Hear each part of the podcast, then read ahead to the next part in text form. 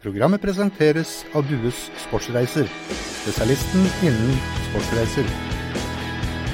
Hei og velkommen til en ny fotballradioen. Jesper, vi skulle egentlig ikke ha noe program eh, denne uka, men så eh, ramla du over en potensiell gjest på gata. Da kjører vi på. Heldigvis så fikk vi lurt inn en uh, gammel uh, luring inn i studio. Han sendte meg en melding for uh, ja, faktisk halvannen time siden. Hva er det beste lunsjstedet i Kristiansand? Jo, sa jeg. Da går du bare ned på fiskebrygga, og så finner du deg en fin plass å spise der. og så da hadde jeg lagt på, så tenkte jeg jøss, hvis denne karen er i byen, så må vi jo få booka han inn i fotballradioen. Du skal jo ha litt fri denne uka, jeg skal ut og reise litt denne uka, så det hadde blitt vanskelig hvis ikke vi kunne fått det til i dag. Egentlig hadde vi prøvd å få Kristoffer Ayer, men han er på Kreta, eller iallfall nede i varmere strøk med sin kjære Karoline Olsen, som uh, vi selvfølgelig har fått med oss i diverse sosiale medier. Han kommer så fort han er tilbake i landet, kanskje neste uke eller uka etter der. Men heldigvis, da. Tom Nordli, du er i byen. Velkommen! jo, takk. Jeg visste jo om noen lunsjsteder når jeg bodde her for ti år siden. da. For da veide jeg jo 130. Hva var favorittstedet? Det var mye på Herlig land den gangen. herlig land består jo det. Ja, ja, jeg var der, jeg var jo innom her i fjor. Eh, eller jeg var jo med dere i en sånn eh, på Kick. Ja, vi hadde lagd podkast. Da var vi nede hos eh, Martin Stallemo på Pidero, og det var der du endte opp i dag også. Ja, ja. God stemning på fiskebrygga i dag òg. Strålende vær. 24 grader Det var de første gjestene, og plutselig var det mange. Men jeg tror ikke det var pga. oss. Ikke? Det var sånn i 2005. Da hadde det vært sånn. Men det er jo sikkert litt sånn for deg, Tom. Litt spesielt å komme til Kristiansand. Jeg kan tippe at uh, sikkert en del som vi snakker med deg fortsatt. Ja da. Uh, første jeg møtte, var Tore Løvland og den gamle naboen i Randesund. og ukjente også, som sier hei. Så man skjønner jo at man har bodd der. og kanskje vært med på noe. Og så blir jeg litt sånn nostalgisk, for det, selv om det var mye vind og sånn, så se vannet litt og roen og Vi trivdes jo utrolig godt her, da, jeg og familien. Så det, vi var jo igjen her halvannet år nesten etter jeg slutta, så jeg pendla jo til Viking og Stavanger ei stund. Så det Jeg husker jeg solgte huset og tjente jo litt på det, Andersen. Det ble jo bygd 400 boliger og ny skole der ute på den tida jeg bodde der, og tjente jo litt på det, men hadde jeg leid ut, så hadde jeg vel kun gangre med fire nå, tror jeg. så nei, Jeg hadde jo sjøutsikt ut til Randesund der til Fidjekilen. Så det er mye minner. Jeg har vært der en del etterpå. da, Besøkt naboene til Randesund og vært der på svømmestevne med unga. Men kommer de fotballminnene kjapt tilbake da, når du uh, kjører over Vardboa? Ja, det gjør det. fordi at jeg hadde tenkt å kjøre vanlig vei, en tunnel og inn også til venstre ned forbi Kaldonien osv. Så, videre, så sier jo Christian Nilsen, som jeg skal kommentere Fløy Odd med i dag, at uh, kan vi ikke ta en tur inn mot uh, Sør Arena og Starthallen og så vi var ikke innom Sør Arena, da, for det var liksom ikke, der var Marvika og ja, ja, ja. Der, der, der Asbjørn Vike klikka på Bård Borgersen. det var ikke noe stadion der, men så var det liksom forbi Starthallen og så var det litt sånn trist rundt Vils Minde skole, det var der det drapet var. Mm. Og så var det bortom uh, kjørte for rolig forbi Kristiansand stadion og tenkte her var det 18.800 mot Fredrikstad. Offisielt, eller ikke offisielt, da. Det var vel 16,6, og enda fikk vi 500 000 i bot. Og den betalte Solén gladelig, for vi tjente mye allikevel. Mm. Nei, så det, det, bringer, det, altså det, er helt utrolig. I går satt jeg og spiste lunsj med ikke mer kjente etter hvert Blakeren. og, og, og mimra om cupfinalen med LSK, det var 2007. Det er ti år siden. Ja. Og så tenker man Det var, det var 2-0 Ocean helt på slutten. Ja. Jeg hadde mye penger på at Lillestrøm skulle vinne med to mål eller mer. den kampen, Så jeg jubla godt. Og jeg bodde da i huset til Stig Inge Bjørneby, husker du sjøl. Meg og alle kompisene var tungt inne på Lillestrøm.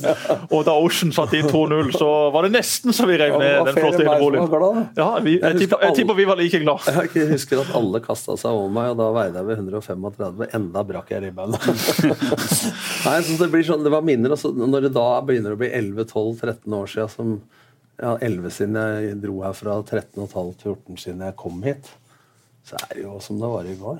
Ja, og som du sier i starthallen, bensinstasjonen over starthallen. altså Ufattelig med gode minner. Stefan Berlin har forresten bursdag i dag. Vi må gratulere ham med dagen. Mannens... Kattene hans lever dem ennå. jeg tror ikke de kattene lever. Maken til stygge katter. Katter som var barbert! De fikk jo aldri hår! Det styggeste jeg har sett. Fytti grisen, ut som svære rotter! Men det var litt sånn nostalgi også, fordi at eh, For å ta noe litt mer alvorlig, men eh, jeg mista jo mora mi her 28. mars. Og solgte, mens jeg satt i VGTV-studio, solgte med tekstmelding sammen med Bernt Hulsker og solgte huset til mutter'n. Eh, Søstera mi har jo bodd der noen år, og vi solgte barndomshjemmet på mandag. Og vi har rydda ut av det og kasta tre containere på 25 kubikk. Og det datt fram VHS-kassetter som mutter'n, uten at jeg veit, har tatt opp fra start. Ja, men de oker jo rett ut i en container. Og de lurer på seg, men det er jo VHS-kasser. Men så var det noe utklipp og sånne ting. Og plutselig så var det fra Bodø-Glimt start, nest siste serierunde og Balla Garba. Så det liksom, da satte jeg meg ned, tok en fem minutter og så titta litt. Og så tok jeg vare på en, en pose som jeg ikke har sortert ennå, men noe utklipp som mutter'n uh, har tatt vare på, og så gikk resten ned. Søstera mi skulle ta vare på alt, så nå hadde vi containeren under vinduet. Så når hun titta til høyre, så da tok Nordlien bare og så feide ut av vinduet. Jeg vil bli ferdig. Nei, Så, det, så minnene kommer når du finner sånne ting. Altså når du kommer liksom til Treffer folk som deg, som jeg trente rundt stadion. altså det Nå sitter du hos Fedrelandsvennen, som du ikke alltid var verdens beste venn med. men...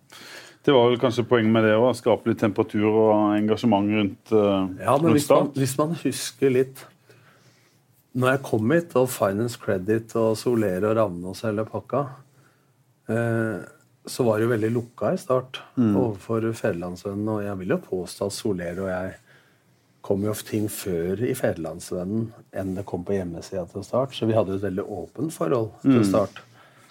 Men det var jo bare en episode med meg og sjefen Arild Sandvik. og sånn. Som du nettopp vinka til? Ja, ja, ja, vi er venner, men det smalt jo litt. da. Men jeg mener jeg jobber litt for Romerikes Blad, sånn dugnadsarbeid på Sves-TV, som jeg kaller det. Sakte-TV. Mm. eh, og jeg har stor respekt for de som har vært kritiske mot meg og mine lag og alt det, så lenge Sånn som jeg prøver å være sjøl som NRK Jeg vet ikke om jeg skal kalle meg journalist eller ekspert, men hvis du tar ballen og ikke mannen, mm Eh, men når det blir løgn og fanteri og, og sånne ting, mm. og indisier og uten for mye kilder og sånn, da blir jeg forbanna. Men jeg har vel best forhold til de som har vært mest kritiske til meg, egentlig. Mm. For da får jeg en anledning til å faktisk komme fram med det jeg mener. Så jeg har kjempeforhold til 90 av norsk medie. Både når jeg jobber med det, men ikke minst når jeg var på andre sida også. Så. Og er det noen som vil ha Tom Nordli tilbake her i Kristiansand, så er det store deler av staben i Fjellandsvennen. Det kan jeg skrive under på. Også de som har vært sportsjournalister og sportsledere her, her tidligere var jo stor fan av, av, Tom og snakker jo om Det var en fantastisk tid for uh, spillere, for uh, publikum, for uh, deg som trener, men selvfølgelig for oss journalister, eller de som var journalister på den tida. Jeg var jo ikke det. Så er det jo, det er jo en fantastisk tid for de også. Det er jo en, De som har jobba sportsjournalister her på, på Sørlandet, hvilke år er det de husker best? Ja, det er jo selvfølgelig jeg, de åra med Tom Men jeg tror at vi var jo ikke meg, men vi var jo mange. Men jeg tror på en måte et eller annet galskap må jeg ha gjort, for det var jo utsolgt. Dårligste plasser på stadion bak innbytterbenken var jo utsolgt først. Men, men, jeg tror nå at det var noe med at vi skapte et eller annet produkt. Jeg husker at det var null landslagsspillere, bortsett fra dere yngre. da, når Vi kom. Vi hadde jo sju landslagsspillere i A-landslagstroppen. altså Hele Bekkerekka pluss Doffen og Strømstad og Valencia en gang. Mm. Jeg husker det var et bilde med Hareide hvor det var sju i gul startdrakt med netthandelen på brystet. eh, eh, sammen med landslaget. Og jeg tror at vi lagde et eller annet produkt med Jeg tror det var 15 sørlendinger i Tippeligastallen og 18 i førstedivisjonsdalen. Og 11 hadde spilt juniorfotball i start, og det har ikke jeg noe ære for. Men vi vekte jo liksom altså Marius Johnsen var på vei til Skeid, Strømstad var leid ut til Bærum, Haaland var i Mandalskameratene. Vi fikk på en måte riktig roller til disse ferdighetene. da. Så jeg tror vi skapte et produkt uh, som sørlendinger var stolte av. Men jeg tror hele Norge håpa at Start skulle vinne, ikke Vålerenga det året. For vi hadde liksom noen profiler, og det var ikke tilfelle at vi bar Doffen og Strømstad over skuldra. Du var jo for tung og for lang. Men, vi, men det var jo Soler også, og vi prøvde jo å skape profiler i Start. Utover trenere og sånn. Så vi brukte jo Federlandsvennen også til vinn-vinn-situasjon. Så jeg, jeg, tror vi var ufarlige. Vi uf, ufarliggjorde ting, litt sånn som Eggen gjorde. Det var Folk, journalister, kunne komme inn i starthallen og spise lunsj, var med på spillemøte. Så det var ingenting som var hemmelig. Og det har jo vært litt mer lukka seinere og litt mer åpent enn nå, så jeg tror jo det er noe av nøkkelen. Ja, altså, hvis du er trygg på det du holder på med, så er det vel Ikke noe farlig å slippe Ja, Man er jo avhengig av hverandre. Avisa er jo avhengig av, Start her nede, og Start er avhengig av aviser. Det Sånn er jo sånn det vil fungere også i de årene som kommer. Apropos pressekonferanse og det å være åpen med pressen. Eh, Lars Lagerbäcks pressekonferanse i går var jo noe. Spesiell. En eh, powerpoint-presentasjon som vel ikke hadde fått A på, på eksamen, men innholdet var sånn sett fornuftig nok. Det, men så viste altså Perry hele analysen av Tsjekkia på en pressekonferanse. Eh, Var ikke det litt rart? Jo, var det bare som reagerte ja, på men det? det? Er jo, det er jo som å gå fra totalt lukka Ja. til åpent. Og, og jeg tror det dreper så mange unødvendig, usaklig kritiske spørsmål ved én å begrunne hvorfor jeg har tatt ut Bjørn Mors, eller Mars eh, Johnsen. Eh, hvorfor er ikke Martin Ødegaard med, som han sa på forrige pressekonferanse? Eh, nå har jeg fått eh, tekstmelding fra Andreas Hagen i NRK og lurer på om jeg skal kommentere at eh, Lars Lagerbäck har sagt han skal øve veldig mye på innkast før Tsjekkia-kampen.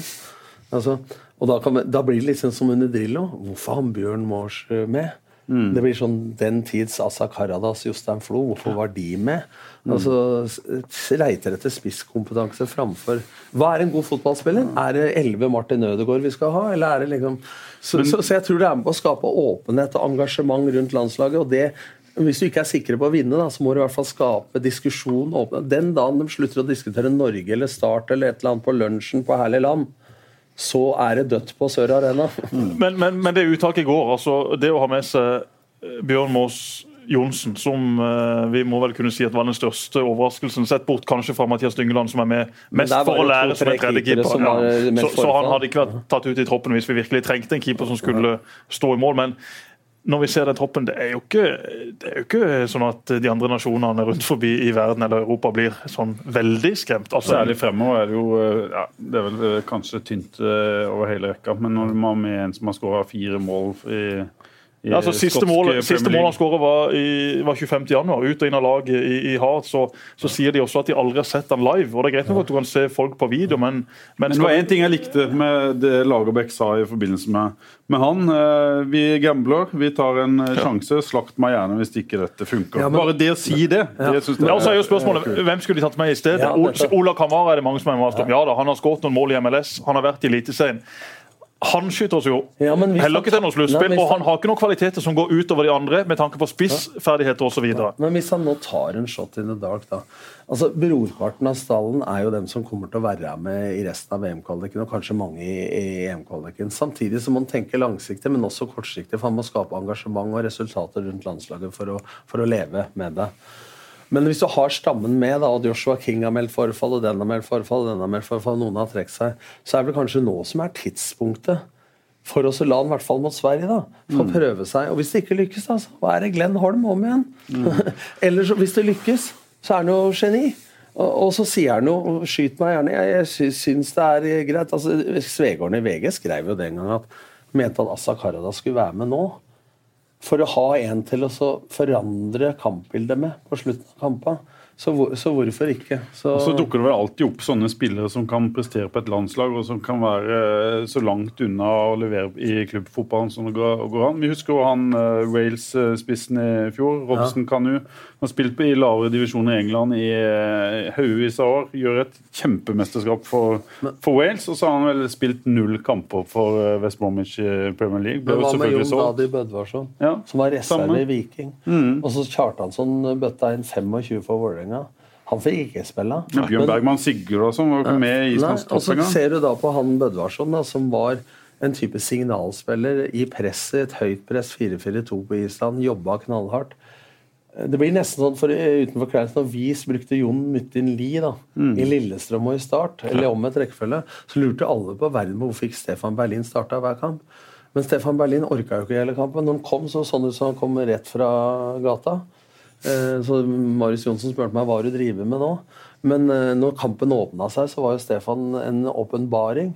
Mens Jon Mytterli jobba og sleit og pressa og satte, var signalspilleren. Så det, det, hva er en god fotballspiller? Er det bare de små nummer ti?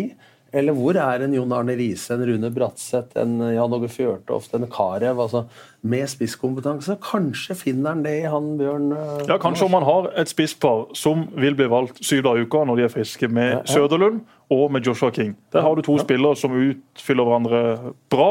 I alle fall har de forutsetningene for å gjort det. Har ikke alltid sett sånn ut når de har spilt mm. sammen på landslaget og Sokke, ut som en million dollar i, i Belfast. Men la oss nå glemme den matchen den kvaliken som etter hvert vil eh, komme inn mot et EM-sluttspill altså i, i, 2020, der har vi Søderlund, der har vi King. Og så ja, fint nok det å prøve å finne en med spisskompetanse, men jeg syns det er litt rart at de sier ja, vi har aldri sett han live. Det er klart, De har jo ja. sikkert vært i, i, England og sett kamper, har derfor vippa over til Skottland for å sett han live én gang. Syns han iallfall hadde vært på sin plass. Men nå gambler de med han, og så får vi håpe at han uh, treffer. Han er jo en type. Snakker nesten ikke uh, norsk, snakker heller amerikansk. Uh, ligner litt på Jon Carew, ble sammenligna med Tore André Flo. Ja, Hvis han er 70 av Tore André Flo, så tar vi han. Men hvis han plutselig har fått en video nå de siste uka eller to og ikke har vært klar over spilleren. Altså, Nordmenn har ikke vært klar over den. omtrent. Nå kan Lagerbäck være klar over den, og så detter inn en video. da.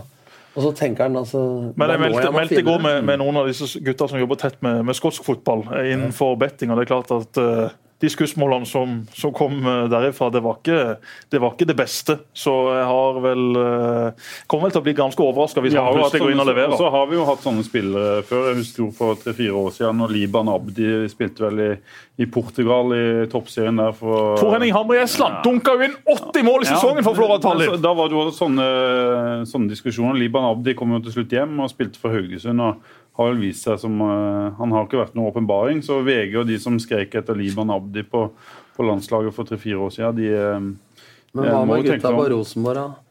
Var ikke Eguren han het? Så var det en stopper jeg ikke husker ja. navnet på. Jo, Lago Eguren. Ja, men den var, jo, den var jo ikke god nok. Det var King, King, King, King Kong. Eguren fikk jo en fantastisk karriere. Han gjorde det, og Lago også var jo god for Rosenborg etter hvert, men han var, han var, tung og treg til å begynne med. Kristoffer ja. Ayer, vi skulle hatt en spiller fra den skotske ligaen. Ja, kunne tatt med han, da. For å prøve han ut på stoppeplass. Nå uttalte Per i går at de har prøvd for mange stoppere. For mange men det er to de ikke har prøvd. Det er Ayer og Sigurd Rostedt i, i, i Sarpsborg. Helt enig. Og de kunne selvfølgelig fått prøve seg mot Sverige i mm. denne andre kampen, som er en ren treningskamp, hvor Sverige også kommer til å stille med et sterkt redusert lag. Ja, prøv dine da! To mm. annerledes stoppetyper i forhold til det som er der fra før. Det er ingen av de som er der nå, som har levert. Det er jo liksom ikke... Og det kommer også en ny kvalik som fokuset må være på. Og det er klart at uh, Da er mange av disse gutta også blitt enda eldre. Mens Ayer, Rosted, denne gjengen her, ja, de har fremtida for oss. Er det noen steder vi har utfordringer, er det er forresten ingen som har fremtida bak seg. Det er ganske dumt ut. Jeg er ingen fotballmann, jeg er ingen fotballmann, men jeg ville jo hatt med han Rosenborg-stopper. Han de omskolert nå, han eh, Raske Skjelvik. Men han er vel skada. Men, jeg, men jeg, sa, jeg, sa, det i går, og jeg, da jeg fikk det så brått på meg. Da, så jeg hadde kanskje ikke fulgt med at han var skada akkurat da. men de tok ut Birger Meling, da. Og så tenker jeg jo sånn at uh, hvis han hadde vært frisk, så har han valgt Meling fordi at Skjelvik er stopper i Rosenborg. Ikke sant? Jeg likte jo, mm. Selv om alle var jo dårlige mot, i Belfast mot uh, Nord-Irland. Men, uh, men han Mats har Møller var OK. Den ja, ja. lille halvtimen han spilte. Men, men altså, han har jo en type spisskompetanse, jeg er enig med deg, mm. Pål, altså, som, som, vi kanskje har brukt for i den hurtigheten. Hvis han får litt killerinstinkt og duellstyrke, så har jo Norge en en potensiell meget så ikke så elegant ut å begynne med han, eller? Nei. Men det handler jo om å venne seg til det og gå i, i, krigen, kanskje, for folk som har vært back og wing og sånn tidligere. Det, det, vet jo du litt om, Jesper, som, som ble omskolert fra, fra spiss til, til stopper. Ja, bare la oss håpe at uh, vi får uh, to gode opplevelser nå i disse to landskampene. For det er ikke noe tvil om at Sånn Lagerbäck holder pressekonferansen, og sånn han Hæ? fremstår osv. Så vi har potensial her til å skape noe spennende, og vi har masse spillere rundt forbi som om ikke leverer på toppnivå i de feteste ligaene alle sammen, så bør vi ha forutsetninger for å klatre kraftig på den rankinga, og i tillegg være i et sluttspill i EM 2020. Men kan det hende at eh, Lagerbäck er smartere taktisk mediemessig enn vi tenker? For Drillo tok alltid ut mye av de samme, men han ble kjent for å ta ut én overraskelse i hver stropp. Mm. Se hva vi sitter og diskuterer nå. Mm det er engasjement rundt hvorfor er Bjørn Mors Johnsen med. Ja, men altså, Du skal ikke undervurdere den faktoren. Det er én av 24, liksom. Ja. Helt sant, det. Tom, eh, du er jo eh, Skeid-trener. Det er kanskje ikke så mange som eh, hører på her, som, som kjenner trenerhistorien, hva du driver med i dag. Fortell litt om hverdagen til Tom Nordli. Kongen av deltidsjobber. Nei, altså, jeg har jo Jeg driver og pludrer litt og vurderer om jeg skal gi ut en bok. Så får vi se, Det er ikke noe biografi, eller noe sånt, men det er mest om ledelse med noen snacksy historier. Så får vi se. Må jo ha historie. Ja, ja. Jeg har ikke tenkt å lage noen bok i så fall og skyte på alle som uh, jeg har opplevd historier på godt og vondt sammen med. Skal Morten Stokstad skrive den Nei, boka, Tom? Nei, det skal han ikke. Eh, Stokstad er flink, han, men det kunne fort blitt litt rør. men, eh, men eh, det er ett prosjekt. Eh, Jeg jobber, har jobba litt i år i et firma som heter Fotballpro, med et akademi sammen med Drillo. For 11- til 15-åringer i Valhall to-tre ganger i uka. Det er sommerferien hans. jeg må stoppe litt der. Det har vært en diskusjon på Østlandet om pengebruk, eh, talenter, folk som faller utenfor fotballen. Eh, Har dere vært involvert i den diskusjonen? Ja, for at det, jeg var jo en debatt nå eh, i går, eh, faktisk, jeg, på, med Tom Tvedt, Susann Gokser og Ola jeg husker ikke helt navnet, en venstrepolitiker, om eh, topping versus eh, bredde i barneidretten. Da kom vi inn på det der, så det akademiet vi driver, det har jo kosta 500 kroner eh, uka eller noe sånt. Mm. men vi har også noen sponsorer med oss, eh, blant annet dem som står på brøstet hans, mm. som eh, har gått inn og subsidiert hele eller delvis eh, eh, honoraret, eller altså det Ja, for dere tar jo selvfølgelig litt eller, Dere tar betalt for det, og så koster det noe å være med. Ja, og så Det er koster jo 10 000 kroner Ja. uka å leie Valhall. Liksom. Ja, ja. Så dette er Men får du dårlig samvittighet for, for Nei, det når men- den diskusjonen kommer Nei, for det går nesten i null. Og poenget er at vi sponser jo de for, altså vi kan si mye bra om Stabæk og Bærum, da, men det er så høyt betalt at det er de velstående som får lov. Mm. Hva med en fattig norsk familie eller innvandrerfamilie eh, som ikke har så mye å leve for? Der har vi gått inn på en måte også subsidiert sånn at de har råd til å være med, I tilfelle det er et stort talent som ikke kommer fra en ressurssterk materiell familie. Så jeg har ikke så dårlig samvittighet eh, for, for det. For grunn av, og det er vel, Hvis du kjenner Drillo sitt politiske ståsted, som er ganske rødt, så, så er ikke det så kommersielt Inter, inter, så Vi gjør ikke dette for å tjene penger. Altså det Firmaet går vel i null, eller kanskje i minus. Mm. Så dette har vært et eh, akademi som har fokusert på det som vi mener har mista litt i norsk fotball, nemlig det taktiske. Eh, For nå lager vi så veldig mye sånne tierspillere, mens vi føler at det individuelle og lagtaktiske har glippet litt. Og det har litt med at det er åtte lag som deler en kunstgressbane. Det er possession-øvelser uten retning. eh, Det er ikke mål. Eh, Så det å forholde seg til stor bane, eh, lære litt om valga, ikke bare utførelsen, det har vært ideen bak det. For å gjøre noe annerledes enn alle andre. Så det har vært en spennende reise. Og så har vi selvsagt hatt litt sprik i kvaliteten. I og med at folk melder seg på. Det har ikke vært noen sånn elitegreie at eh, du får Vi hadde en liten audition, da, men så, så vi kutta ut den eldste aldersgruppa, for dem hører med til landslag og kretslag og sånn. Så på de yngste så får vi store talenter. På de eldste så vi kanskje at eh, de beste var på en måte Hvor gamle er disse guttene og jentene? ja, det var, ja, eh, det var det er 11 til eh, 17 var det, men vi har vel dratt til 11 til 15 omtrent. Fordi over der spiller enten på et godt juniorlag eller et andredivisjonslag eller et Obos-lag. Eh, Så det er den andre delen jeg driver med. Eh, Og så jobber jeg i NRK.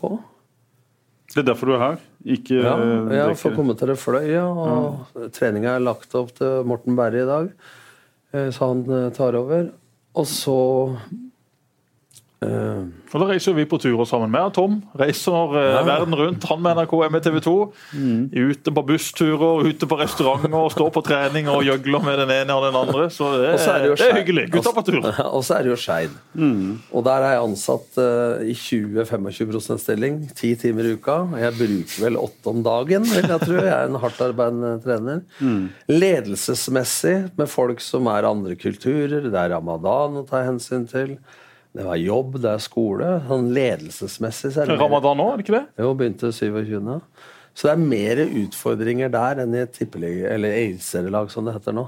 Jeg blir ikke kvitt det der en annen. eh, også fotballmessig så er det jo litt annerledes. Men annendivisjon nå med to avdelinger. Vi har to spillere nå i Haugesund som spilte i Skeid i fjor. Han ene spiller fast, den andre kommer inn. Så det fins spillere som eh, klubba burde se etter mer enn å bare dra til Afrika. Eh, av lokale, gode spillere se rundt forbi. Hva kan du si om sesongstarten til, til Skeid? Dere ligger på femte? Fjerde? Nei, Vi hadde fire første kamper med fire strake seire og 8-0 i målforskjell. Og vi vant mot Brumunddal og lag som ikke var så gode, men så var vi veldig gode mot Grorud med 14-2 i avslutninger, 7-2 i sjanser og 9-0 i corner, men tapte 1-0. Så det var surt. Det var første baklengsmålet. Så møter vi Godset i cupen og leder 2-1 til det 89. minutt. Og da blir det 2-2, og så blir det 3-2 etter 42 sekunder ekstraomgang. Men vi hadde en i tverleggeren etter det. Og så spiller vi mot Kjelsås nå på søndag, spiller 1-1, og da er det blitt i de fire siste oppgjørene. Det er jo to trikkestasjoner Du imellom. leste litt om den kampen før jeg gikk inn her. Ørjan Hopen, eh, som eh, veldig mange kjenner, som kommer inn og, og utligner i det 89. Og det er litt, Han har vært reserve i alle kamper, og vi hadde jo en mål som var én meter inne. Mm. I tillegg, som de som er på Twitter kan se.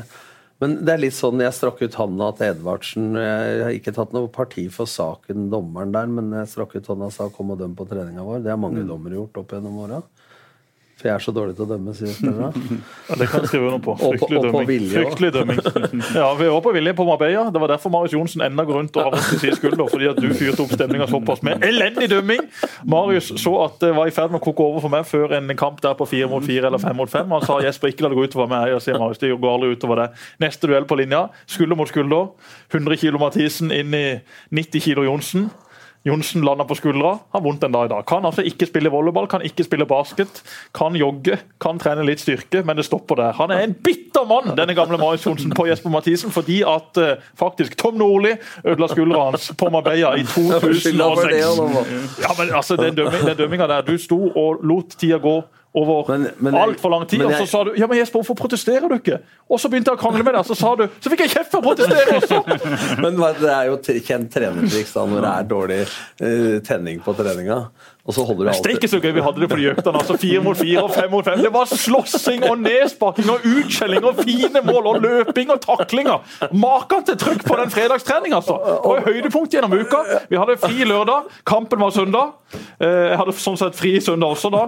Men, men, eh, men fredag, altså. De treningene vi hadde da. Vi hadde åtte eller ti kamper fire mot fire, fem mot fem.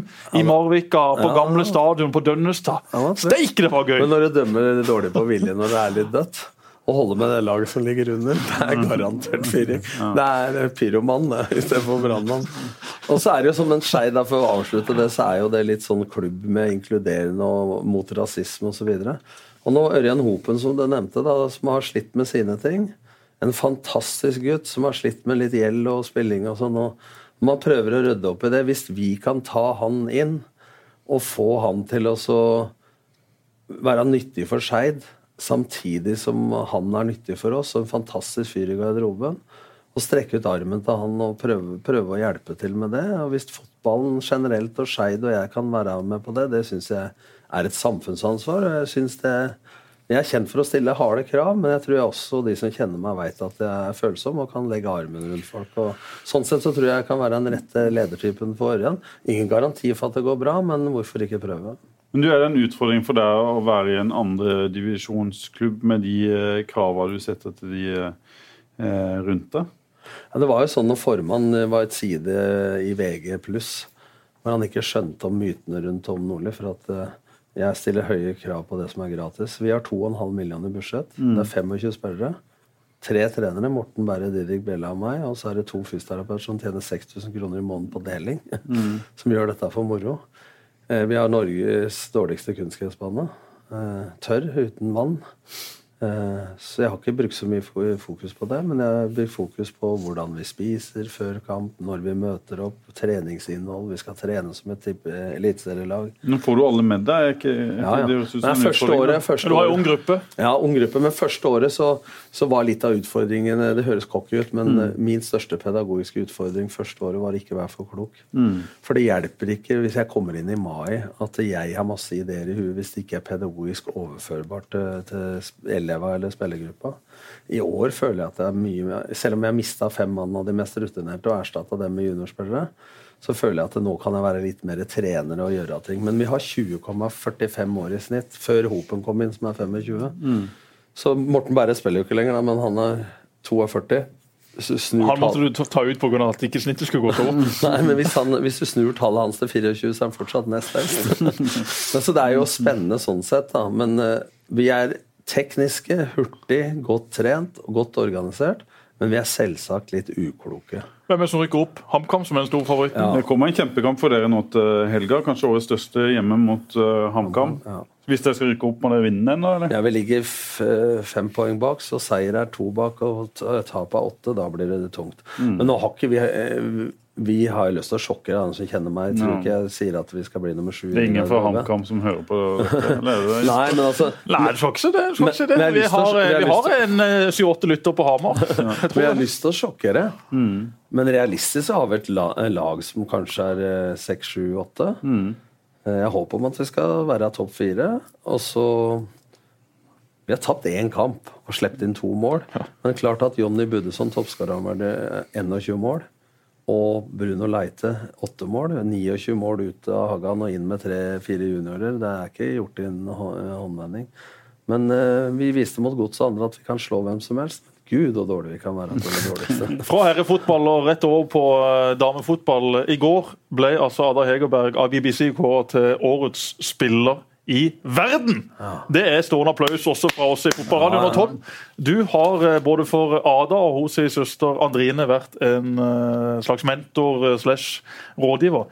Ganske rått å bli kåra til den beste spilleren i verden i en såpass stor idrett som nå damefotball har blitt. Jeg begynte å jobbe med de desember for eh, tre år siden. Hvorfor gjorde du det? Nei, det var en henvendelse fra moren og faren.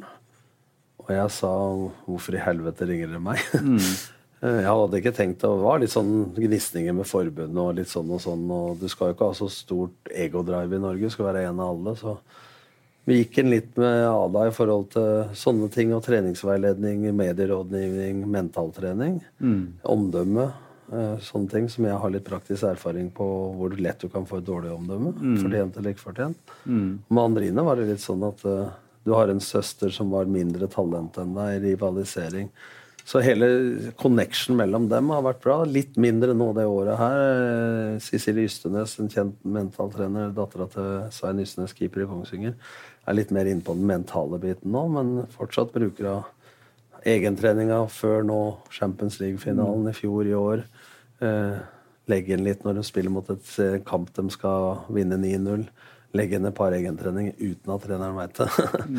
eh, og Det er en ting som slår meg med- Så jeg prata med henne på fly når jeg satt eh, Hun virker veldig tøff i, i nøtta. Er det en eh, riktig observasjon, eller hva Ja. det om eh, måten å oppføre seg på i rampelyset? Har alltid vært det, men det er klart hun har blitt uh, Jeg kjenner, hvis jeg sammenligner med uh, egne barn og andres barn og, og spillere på laget mitt som er i samme alder, så når du flytter ut når du er så ung, og modenheten til de jentene i forhold til eh, til livet generelt, og refleksjon og intelligens og hva som kreves. Det, jeg har ikke vært borti maken, eh, faktisk. altså det og det, bare måten å tilegne seg støtteapparatet på, da, med faren som driver litt egentrening, råd på der, meg på mentalt, medierådgivning altså, Det var jo en svær artikkel i Vega som, om på en måte støtteapparatet hun tilegner seg. Så var jeg litt spent i år når du blir kåra til Europas beste i fjor. da.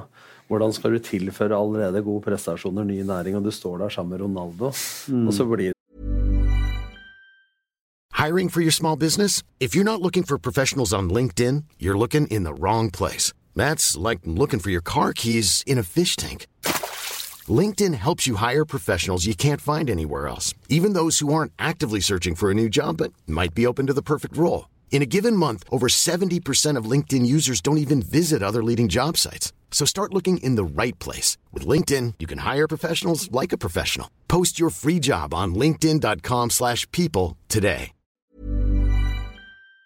Jeg skåra 20 nå, eh, selv om jeg var 25 i fjor. Og så blir det kåra til verdens beste, eller om det er en uoffisiell kåring. Da. Så er jo det stort. Og så er det jo sånn søstera står og ser at hun deler ut prisen, underla deg hele sitt hjerte. Samtidig så skulle hun sikkert ønske det var henne. Du har den rivaliseringa, venninnegreiene. Men Hun var jo også en fin karriere, spiller i Birmingham i, Og det var i England. veldig, jeg var jo med der og gjorde noen råd også, i forhold til at jeg tror det var veldig godt for å komme bort fra Sverige, hvor hun var en av de beste, men hun syntes de trente for lite. Eh, Det var ikke helt kjemi med eh, treneren til enhver tid sånn, eh, i forhold til det fotballsynet.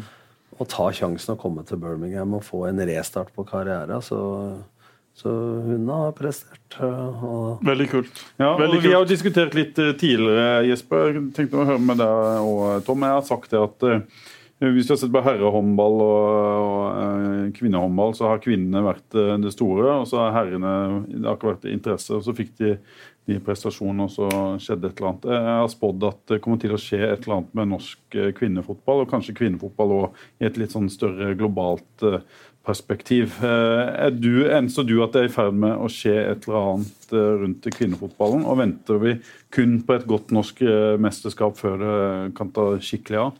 Ja og nei. eh, fordi at jeg, det, når jeg var i Avaldsnes 2015, så var jo det litt at mange i forbundet alle ville at jeg skulle ta den utfordringa. Vært i eliteserienivå på herresida.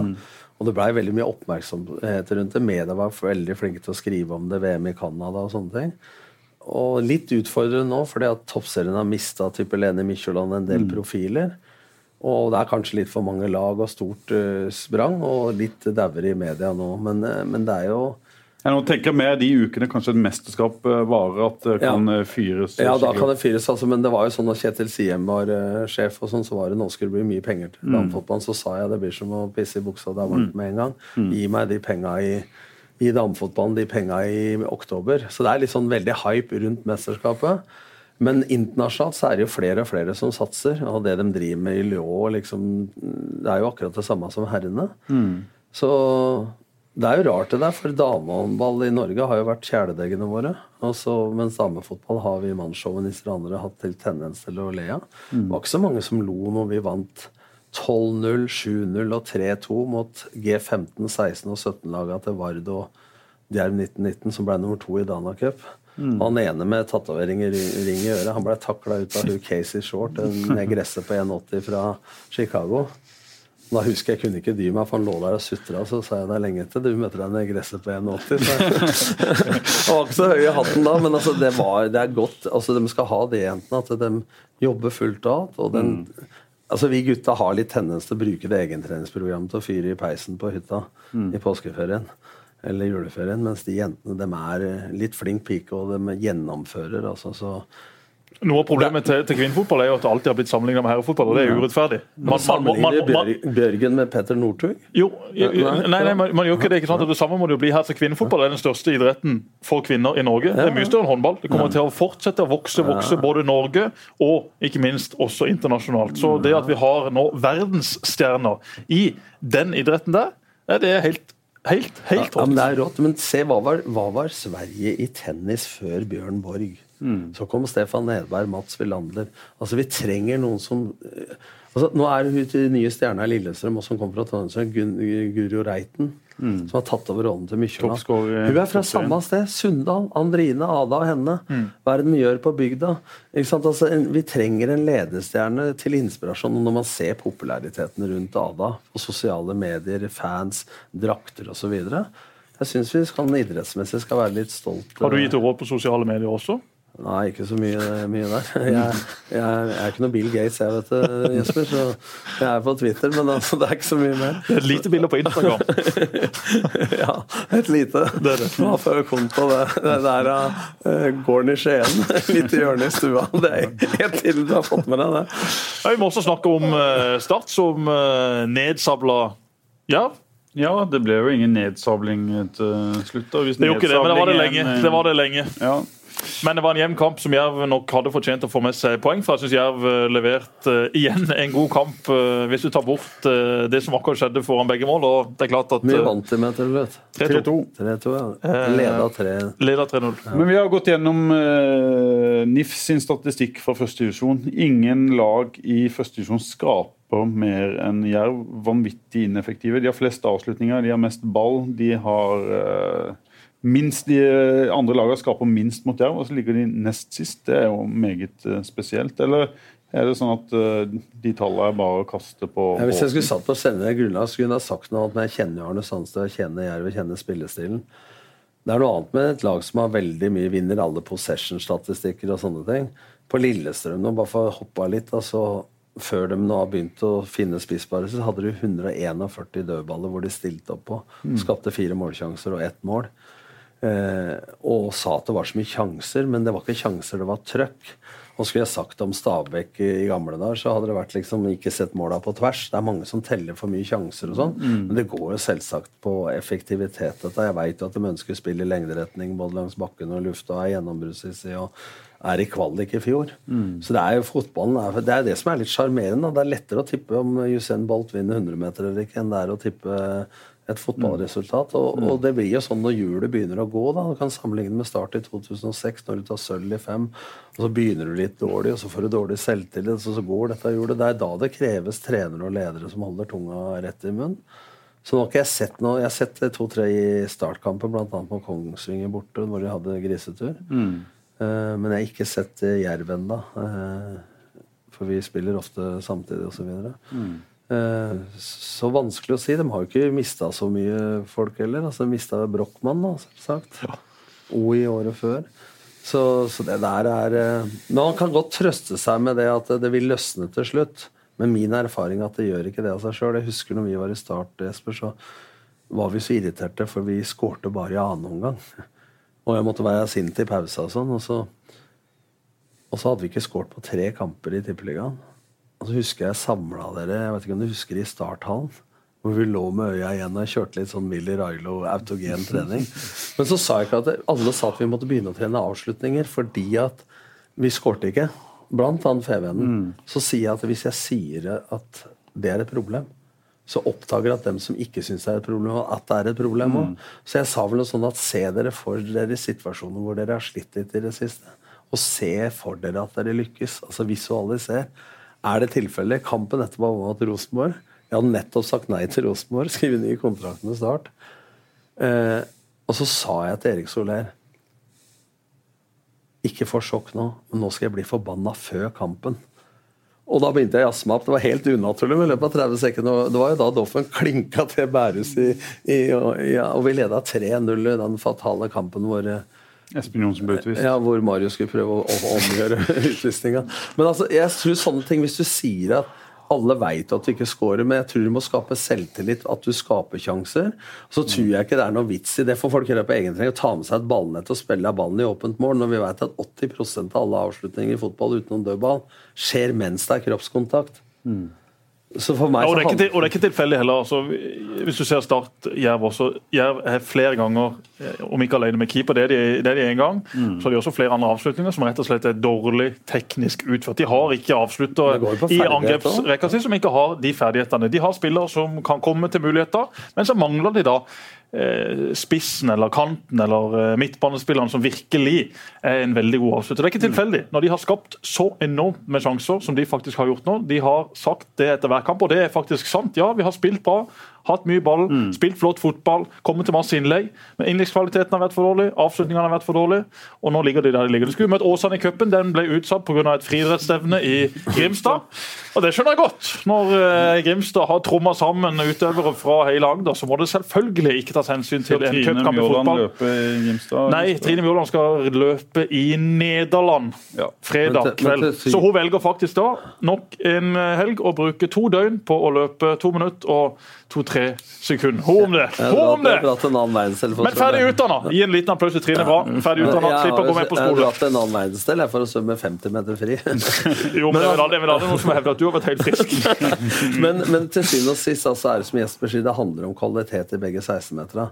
Så må vi begynne å måle at det teller å vinne, vinne fotballkamper. Og det, det, går, det, går, selvsagt på en del på, fer, på ferdighet, men til det igjen da, så finnes det unntak. Vi tok sølv med start. Toppskårer, åtte mål, venstreback, Marius Johnsen.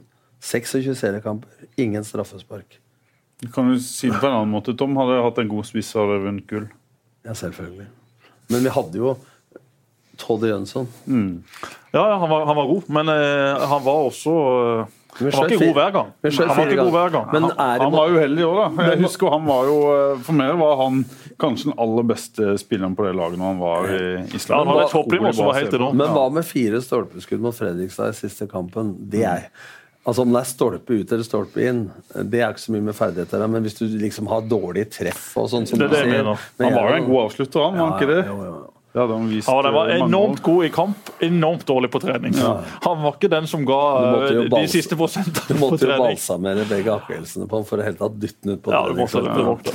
Han var jo mest skada i hele FCK, og toppskårer gjennom tiden i FCK. Men jeg tror det vil eh, snu for Jerv, i likhet med hva gutta i Grimstad tror sjøl. Men opprykk direkte, det er tror ferdig. Det blir ikke noe direkte opprykk på Jerv.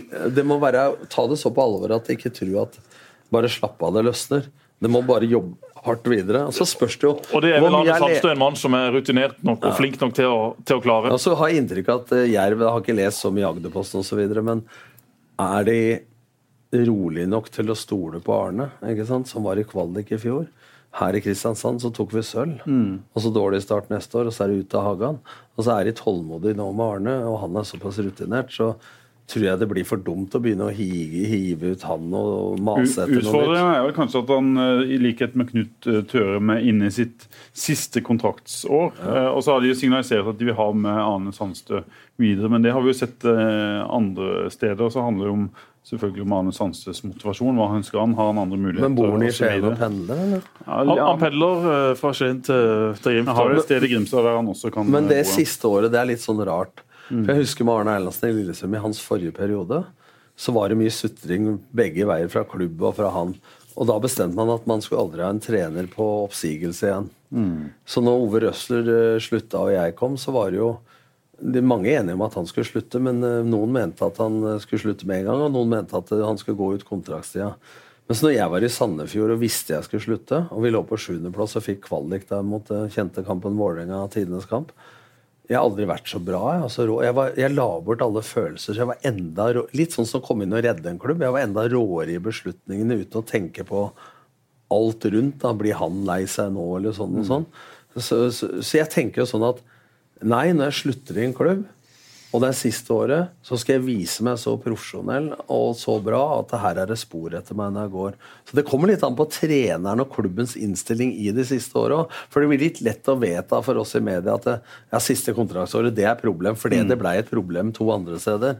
Så det Det er fort hvis resultatene bikker Ja, ja. og prestasjonen ikke er der, at det kan bli en utfordring. Ja, da blir det jo selvsagt skal vi fortsette, skal vi ikke. Og i det øyeblikket den begynner å tvile, eh, tvile på Arne og resultater osv., da har jo det i gang. Så det er jo tilliten i spillergruppa. Hjelper ikke hva du har i styret hvis ikke du har gruppa. Så s- garderoben og, og, og styret rundt, altså hvis tilliten er der da, så pleier det som regel å snu hvis man eh, er fornøyd med spillestil og, og treninger. Ja, og det, er, og det er de i Grimstad. Det er ikke noe, det er ikke noe tumulter innad i garderoben som, som tilsier at de garnene har eh, full tillit der. Og Arne er jo en kjemperessurs for en klubb som Jerv. De må også huske på hvor de var for noen år siden. Det er en klubb som er veldig nye på dette nivået. At det vil svinge fra sesong til sesong, det er helt naturlig. det. Men jeg trodde jo at de skulle være et lag som skulle være med å kjempe helt der oppe. Direkte opprykk blir det ikke. De kan fortsatt klare en kvalik, for det er såpass jevnt i Obos-ligaen. Hvis de nå kommer inn i en god eh, rekke med, med, med seier etter hvert, så klatrer de fort på den tabellen. Elverum hjemme til helga. men det som er litt skummelt, er jo at ja, nå har det gått såpass mange kamper, og veldig mange av de avslutningene veldig mange av de sjansene er rett og slett pga. manglende ferdigheter.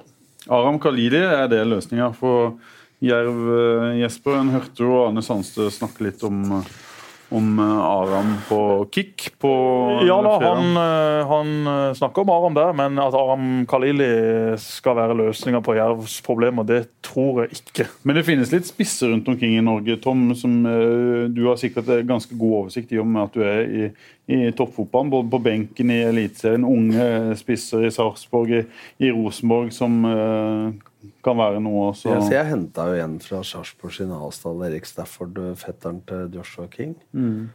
Uferdig, men et kjempefysisk monster med, med talent. Eh, Hvor gammel er han? Eh, Første års senior. Du har en, eh, du har en Jonny Budesson som gikk liksom til, til Haugesund. Vi har en spiss i David Tavakoli. men jeg har aldri satsa noe særlig. Steffen Lie Skålevik i Brann, som Ja, ikke spiller. Ja, ja.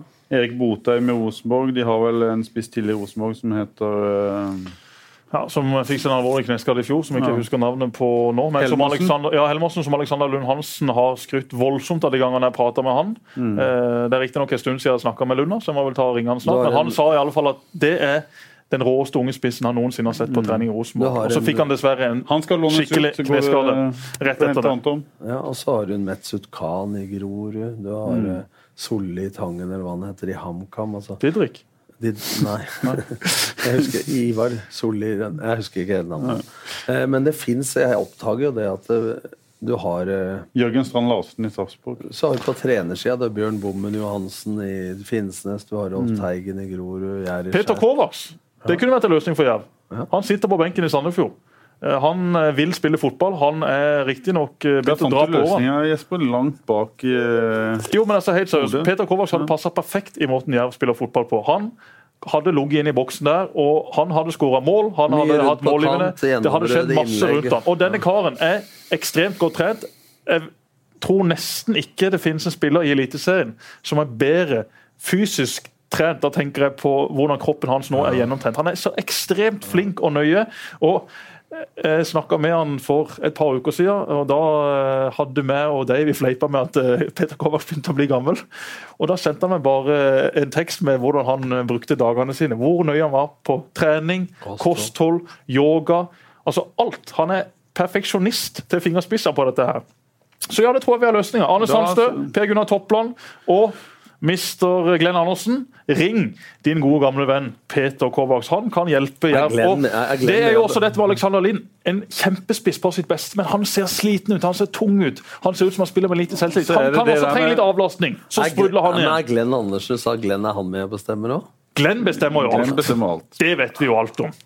Glenn Andersen, verdens største kverulant. For å spole en halvtime tilbake, du nevnte at du ikke var journalist når jeg trente Start. Jeg var journalist, men jeg jobba med andre ting enn Jobba på kultur, da. Det på. eneste jeg husker deg fra da, var i Dekka, eh, teater. til Kari Kai Risholt. Å, men det var Det var, hyggelig. det, altså, det var da Tom sendte da bilde til alle spillerne sine. Eh, bilde av en eh, pizza Grandiosa liksom for å minne spillerne på at uh, viktig å tenke kosthold. Kai Risholt fikk dette bildet og sa Han dro rett i butikken. nå, Nei, han sa Se nå, nå spiser Tom eh, pizza Grandiosa igjen. Han, han, han skjønte ikke helt greia. Ja, det var hyggelig på kick òg, da, Pål. Det var jo ikke Tom, dessverre. Tom kommer på neste liveshow vi skal ha. Men Jon Arne Riise var i storform, og Roger Risholt var om mulig i enda bedre form. Og Det kom historier om Kurt Støen og ja, eh, kom plasthansker og det kom en historie om en finger langt opp i rumpa. Ja. Det er gjorde Ja, det. den kjente prostataundersøkelsen. Ja, og den eh, fikk Roger eh, snakka mye om, lenge om og morsomt om. Vi skal få lagt ut et klipp fra denne liveseansen. Kanskje ikke denne episoden, for nå har vi allerede Tom her. Det er fyrverkeri i, seg sjøl. Men eh, vi skal love at den historien som Roger kommer der Og han, han, kommer bare lenger og lenger ut på glattis. Ja, ja. Han klarte ikke å hente seg inn. Ja. Totalt i offside, Ja, Mr. Risholt. Men stemmer den historien på den derre når dere hadde noen sånn botfest, og det var malerier av Kjell Nupen og alt mulig som premie, og Kai Risholt fikk spørsmål om, om hvilket yrke har bokhandleren i Kabul. Og han svarte det tror jeg er et lovspørsmål, men jeg, jeg går for bokhandler. Og så var neste spørsmål hvem har skrevet bokhandleren i Kabul? Tolken? Torbjørn Egener? Eller Åsne Seierse? Det er i hvert fall et lurespørsmål. Jeg går for Egener. Han, han, han, han svarte Egner på det andre, og så svarte han eh, at bokhandleren i Kabul solgte sykler på det første. Jeg trodde det var to lurespørsmål der. Ja, jeg har bare hørt dere fortalt. Men du vet nå at Kai er jo blitt veldig ivrig på, på tennis. Var med i eh, mesterskap borte i Arendal. Fylkesmesterskap eller bymesterskap. eh, Sikkert klubbmesterskap. Klubbmesterskapet borte Ja, i denne hallen hvor ØIF Arendal spiller sine håndballkamper. Der er det jo også tennisbane. Og han har kjøpt fire-fem forskjellige outfit. Som Roger Federer. Han spiller jo alltid i Nike fra topp til tå. Dvs. Si pannebånd til en mann som ikke har eh, hår. Svettebånd til en mann som aldri har svetta. Han har altså T-skjorte, shorts. Han ser ut som Roger Federer, hvis du kun ser på tøyet, da. Hvis ikke du ser på figuren og elegansen og alt dette her. Eh, Kai er faktisk ganske elegant sjøl, men ikke så elegant som Roger. Så han Spiller selvfølgelig også med enhåndsbekken. Uaktuelt å spille med tohåndsbekken. Han skal bli kopien av Roger Federer, verdens man, man beste vant tennisspiller gjennom tidene. klubbmesterskapet der borte, han heter Grunne Thorsen. Han er en gammel eh, lagkamerat av meg fra Hise okay, bra i tennis. IL. Han har ny hofte, eh, om ikke to nye hofter, det er jeg okay. litt usikker på. Han, eh, eh, ja, han er godt opp i 40-åra og har da antageligvis knust Kai i Men vil du si da at det er mulig for Kai å bli faktisk klubbmester ja, om et år eller to? Grunde Thorsen eh, fortsatt regjerer har Kai kom i seg, for eh, det siste jeg husker fra ham på TV, var eh, eh, først og sist, lå det med Skavlan, hvor han ikke hadde sovet på tre måneder. Det, det tror jeg er den største bløffen. Ja, ja, Det var i hvert fall en måte å komme på Skavlan på, tror jeg. Men det, det, det, det, forklarte jo Roger om på, på vårt live, liveshow på Kick, at, eh, at det var jo bare sprøyt. Kai hadde, Kai hadde jo sovet i bilen på vei til og fra Skavlan. Han hadde sovet på vei i bilen til Skavlan, og der satt han og sa at han ikke hadde sovet på 23 døgn! Roger sa det er jo totalt umulig! Det er jo ingen mennesker i verden noensinne som ikke har sovet på 23 Det satt døgn. jo leger der og kalte det medisinsk sensasjon. Men han kom på Skavlan! Det kan godt være du har vært på Skavlan, men det har ikke Ja, jeg jeg har det. Jeg, Ikke sant? Du og Kai, Jeg skulle snakke om ledelsesfilosofi sammen med Ivar Morten Nordmark, og samme dagen var en artikkel i VG eh, om spillere som tissa i dusjen. Så jeg satt på Skavlan og, og forsvarte fotballspillere som tissa i dusjen. Jeg følte meg ganske Det er mye rart en kan snakke om på Skavlan. Altså. Ja, det, Vi må- det er faktisk helt der oppe med, med Kai, det. Vi nærmer oss eh, slutten. Jesper, det siste vi skal gjøre før vi gir oss, er å spå litt i glasskula med, for eh, Tom og med Tom. Eh, har du topptrenerambisjoner ennå, Tom? Ja, både ja og nei. Altså, nå av ambisjonene mine lik eh, dem de var før jeg kom til Odd i 97-98. Det er at jeg har eh, Jeg hadde muligheten i Bodø-Glimt i år. Jeg hadde en samtale med eh, Kongsvinger. Jeg fikk tre tilbud fra Sverige i fjor, fra, i forrige uke. Fra Superettan og et båndlag i Allsvenskan. Tre på ei uke. Ja, jeg har hatt mine muligheter, men uh, kombina... Altså, det, Hva skal til da for at du sier ja? ja, det må være nå? noe ordentlig som jeg har tru på. Eh, for liksom å redde Gjevle i Superettan i bånn der. Eh, been there, done that. Eh, jobben i NRK er såpass Jeg er stolt av å være i NRK. Jeg føler jeg har fått tillit der gjennom fire-fem år. Eh, det kombinert med å trene Andersson, så har jeg lov til å gjøre begge deler. Eh, så det må, jeg har lyst, men det må være noe som eh, er såpass ordentlig at da må på en måte være verdt å forsake NRK og andre ting. Og så har jeg hatt 111 flyturer på 11 måneder til Haugesund. Sett dattera mi hver lørdag. Så det er en del sånne verdier rundt det. da. Så, så ja, jeg har ambisjoner og føler at eh, jeg er bedre enn noen gang, som spesielt på ledersida, mellommenneskelig ti- sida. Fotballmessig tror jeg Og jeg har aldri jobba så hardt som nå, så nå er jeg ordentlig oppe og går på Andersson som jeg ikke var i fjor. Så Men du jeg, kommer jo jobber her, eh, Jesper. Det er bare å se hvordan eh, landskapet ser ut nå. Eh, Både på Østlandet og andre steder. Lillestrøm som sliter og har slitt, som selvfølgelig vant sist sammen med Strømsgodset Viking i, bånn. I år kommer det til å skje ting i Tippeligaen, og da kommer automatisk Tom sitt navn her. I år vi får se Tom virkelig tilbake i manesjen.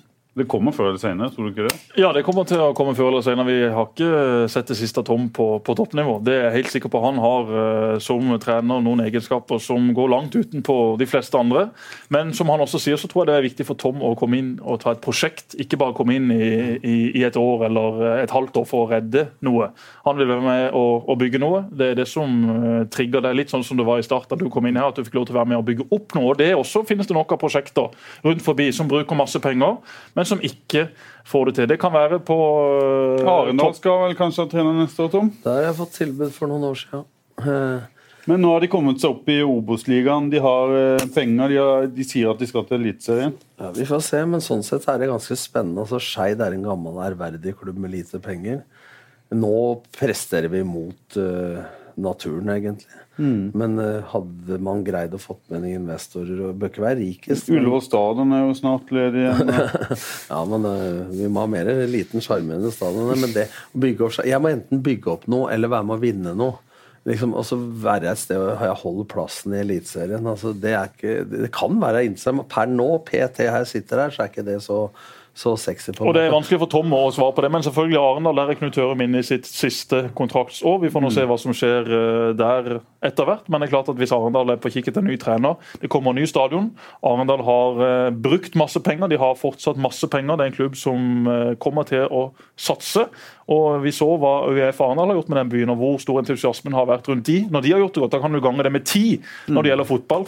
Og Der er selvfølgelig Tom en av de som virkelig kunne satt, satt fyr på, på det. Og det er jo også på Sørlandet, som er det stedet du har trivdes aller best. Og Der kunne du også fått med deg familien, eventuelt at det er iallfall kort vei Ja, vi- til familien. ja, men- trenger ikke du å, å, Nei, å, nei, å snakke vi- for mye om hva slags Nei, klubber osv., men, men området Sørlandet, Ja. der Men koser du grunnen deg. til at det har passa sist også, er at vi har jo odelsgården, altså hjemstedet til kona Jannicke, i Skien. Så det er liksom to timer til Kristiansand og to timer til Oslo. Så der er vi jo som andre brukere av hytte, men det er ikke lenger siden i fjor høst at uh, jeg var jo i møte med Lillestrøm sammen med Arne Erlandsen. Altså, de hadde to kandidater. Og jeg prata med dem etter sesongen for videre. Så, så det har jo vært uh, muligheter både i andredivisjon, Obos og Men er Lillestrøm liksom en sånn klubb du kunne eh, tenke deg å trene i? Jeg vet om at du ikke liker ikke å drive og trykke i noens bed, eller, eller skulle ta jobben til noen, men eh, sånn eh, Sett bort fra det, da. nei, nei, men, Nei, eh, men- men- det er, din, er det din klubb? Ja, eh, altså Det var jo det opprinnelig, men altså, det blir jo sånn når du Ja, jobber de beste minnene dine eh, som trener, Tom, eh, det sterkeste forholdet, og der du også står høyeste kurs, det må være Kristiansand. Ja, altså på, på lengre sikt så er det Odd og Start, på en måte. Som jeg føler jeg har vært med å bygge det opp. I Lillestrøm så var det inn, og så vinne cupen og fire serien. Men det er jo moderklubben min. Jeg har vært medlem siden jeg var sju år. Eh, Men samtidig så blir det sånn når du er fotballtrener eh, som profesjon, så, så mister du litt av det der eh, hjemklubben og det greiene. Alle sa at jeg kom hjem, eh, og det var tida for det osv. Det var jo litt tilfeldig når Jannicke fikk studieplass i, i Oslo og ikke i Stavanger. Det kan godt hende jeg hadde blitt i Viking når jeg først var der. Så, så det er litt sånn tilfeldig. Så jeg har ikke noe sånn at jeg må dit eller dit, og det er et ønske. Så det kommer litt an på hvordan klubben blir drevet, mulighetene for å oppnå noe osv. Det er mer å si enn hva, hva klubben mm. heter. Hvor mye er- penger å si, da? Nei, Lønn? Nå, nå er jo, Man må jo kunne leve av, men det er jo ingen tvil om at lønningene Ikke i start, for den var ikke så høy, men på medio og slutten av 2000, mellom 2005 og 2010, da var jo fotballøkonomien helt annerledes enn i år. så Trenere tjente vel en million mer i året enn, enn det man gjør nå. Så Du klarte å bygge deg opp litt penger? Er det det du Nei, altså, Du sier ja, altså det, det lille jeg tjente, det ligger jo på en måte i en bolig på Lørenskog og en i Skien. Mm. tar betaler ikke regninger eh, likviditetsmessig med hus. Men, eh, men eh, nå er det ikke noe mer sånn enn at Jeg veit ikke hva jeg har engang. Det er kona som styrer. Altså, så for meg så gjelder det bare å altså For å si det, svare litt mer seriøst, altså, har jeg drevet på Men vet du hva du har? Kona styrer alt. Har du mista all mulighet for økonomi da. Ja, ja. Akkurat peiling på det. Men, men poenget er at jeg har drevet så mange år med de 80 jeg ikke er så god på. Og nå er jeg såpass gammel at jeg har lyst til å drive med Det er derfor jeg trener sjøl, for jeg syns jo det er så innmari morsomt å være på på treningsfeltet feltet. at jeg gjør heller det enn å gjøre noe annet. Så det betyr mer for meg. Også trives, ha det gøy, få det beste ut av folka som er rundt meg, glede meg til å gå på jobben, sånne ting. Men eh, det er ikke dermed sagt at jeg ikke har ambisjoner. Men jeg tenker ikke over at jeg er i andredivisjonen jeg er for seg. Jeg har samme forberedelser, jeg analyserer motstanderen. Jeg jobber knallhardt. Jeg er ikke der liksom og tar dette på hælen. Så, så jeg jobber akkurat en, Kanskje enda hardere i Skeid enn i en toppklubb, fordi du må gjøre alt sjøl. Sammen med teamet ditt. Yes. Skal vi Ja. si at det var ukens uh, podkast? Ja, vi må vel videre. Tom skal forberede seg til en kamp han skal kommentere Ja. i Men jeg kveld. satt jo her og ikke visste hva vi skulle snakke om. Ja, Det er ja, men det, det, det vet, sånn, det vet ikke vi heller. Det vet vi heller. Vi Men vi visste litt i hva det gikk i når vi inviterte det. Og Start Mjøndalen, eller Mjøndalen Start til helga. En uh, ny, meget viktig kamp for uh, Men dere som følger. Start får avslutte men det, Nå har jeg sett det bare litt fra utsida, men eh, de er jo med. Altså, jeg tippa jo Bodø-Glimt Start opp, og det ligger jo bra an. Absolutt. Ja, absolutt det er en god åpning. Og det er altså ingen lag i de to øverste divisjonene som har skåra mer enn Start. Brann har skåra like mye, så selv om ikke det alltid har vært så kjempeunderholdende, så har det vært en effektiv, fysisk, solid fotball, som også har levert eh, veldig Mm. Tror- mye gode mål. Og bare tenk det, at man har man altså hatt Salvesen, Sigurdsen. Det har ikke vært så lett å finne hvem som skal skåre disse målene, men nå har laget som helhet tatt eh, ansvar, og det har vært Men jeg, viktig. men jeg tror ikke folk altså Jeg skulle ønske det kom flere folk på Sør Arena. Eh, og hvis man ikke tenker hva er underholdning, hva er god fotball Nå har det vært så mye tap og negativitet og bitterhet og sikkert berettiga og ikke berettiga i rundt Start og Kristiansand. Så nå syns jeg man skal være jævlig glad for at man vinner fotballkamper. Og komme seg opp, og så får man sette hva er underholdning. Jeg tror det mener man i Kristiansand. Jeg bryr seg mye mer om seier. Eh, om hva er underholdning. Men sånn er det vel overalt, er det ikke det? Ja, ja, ja. Resultater og det å vinne ting, det er jo det det Ja, men Hvis jeg kommenterer EM-finalen på NRK eller TV 2, vi samarbeider om dette her, og det er 1,5 millioner som ser på Med all respekt for seeren, så er det kanskje 1,4 som ikke er fotballkyndig faglig. Og det er jo de 100 000 som vi skal nå når vi snakker, Jesper. Og det er de 100 000, eller den promille altså, Du skal nå hovedparten av tilskuerne på Sør Arena, ikke de med Uefa-lisens eller pro-lisenskurs. Altså, det er dem som, Ja, helt enig. som, som ser på fotball, og for den Er det viktigste. de skal få på stadion nå? Det er jo eh, fruen hjemme som aldri går på fotballkamp, men som var der da dere møtte Fredrikstad i 2005. Selvfølgelig var hun der da. Men hun har aldri vært avslutte med en eh, historie. før Og hun var også på liveshow på Kick. Ja, ja. Der kom Men òg. da skal jeg avslutte med det. naboen min, Ja. I, uten å nevne navn, i Fidjåsen. Ja, for ikke Kjetil Rutvold Pedersen, for han bodde også ute på Sømsland. Og bare for å ta den kjapt, En gang vi skulle hjem fra La du måtte rekke et fly, for du skulle noe mer. Du rakk flyet, vi missa flyet. Du ba Kjetil, du ba en av oss om å ta bagasjen. Rutvold sto og skjelte deg ut. Så, Faen, jævla Tom tok flyet før oss! Hvis, hvis han ber oss ta bagasjen, gutter, ja, vet du hva? Da skal vi kaste han utover Varebroa! Tok det ti minutter. Tom ringte Kjetil. Hei, Kjetil. eh, Kunne du tatt eh, bagasjen min og satt den i garasjen? Tom! Ingen problem! Bagasjen sto i garasjen på kvelden, levert av Kjetil Rudfold Pedersen! For en mann! Men Anette og Håkon, En. Øgård- Anette og Håkon Øgård, som bor i Kristiansand, har flyttet nå fra Fidjåsen eh, til et annet sted ute på Søm eh, Tømmerstø-området. Eh, Håkon veldig ivrig på hver kamp med sønnen sin. Anette hadde vel ikke vært på eh, Kristiansand stadion én gang, og vi skulle møte Fredrikstad siste kampen, og jeg er innom der og hilser på før kampen og lykke til og sånn. Og så skal jeg være med på kamp for første gang, og det første spørsmålet du stilte, var eh, kan jeg ta med en bok? det andre spørsmålet var dusjer spillerne i pausen. Men hun var helt fengsla i forhold til det var 18 000, det var Bølgen, det var alt mulig. Hun leste ikke så mye i den boka. og jeg har bare hatt én spiller som dusjer i pausa, og det er Peter Yrje. Han dusja i pausen. Er veldig fint. Vi det er eh, siste ord for dagen. Takk for at du kom, eh, Tom. Kjempehyggelig. Koselig som alltid. Du kommer igjen. Programmet presenteres av Dues Sportsreiser, spesialisten innen sportsreiser.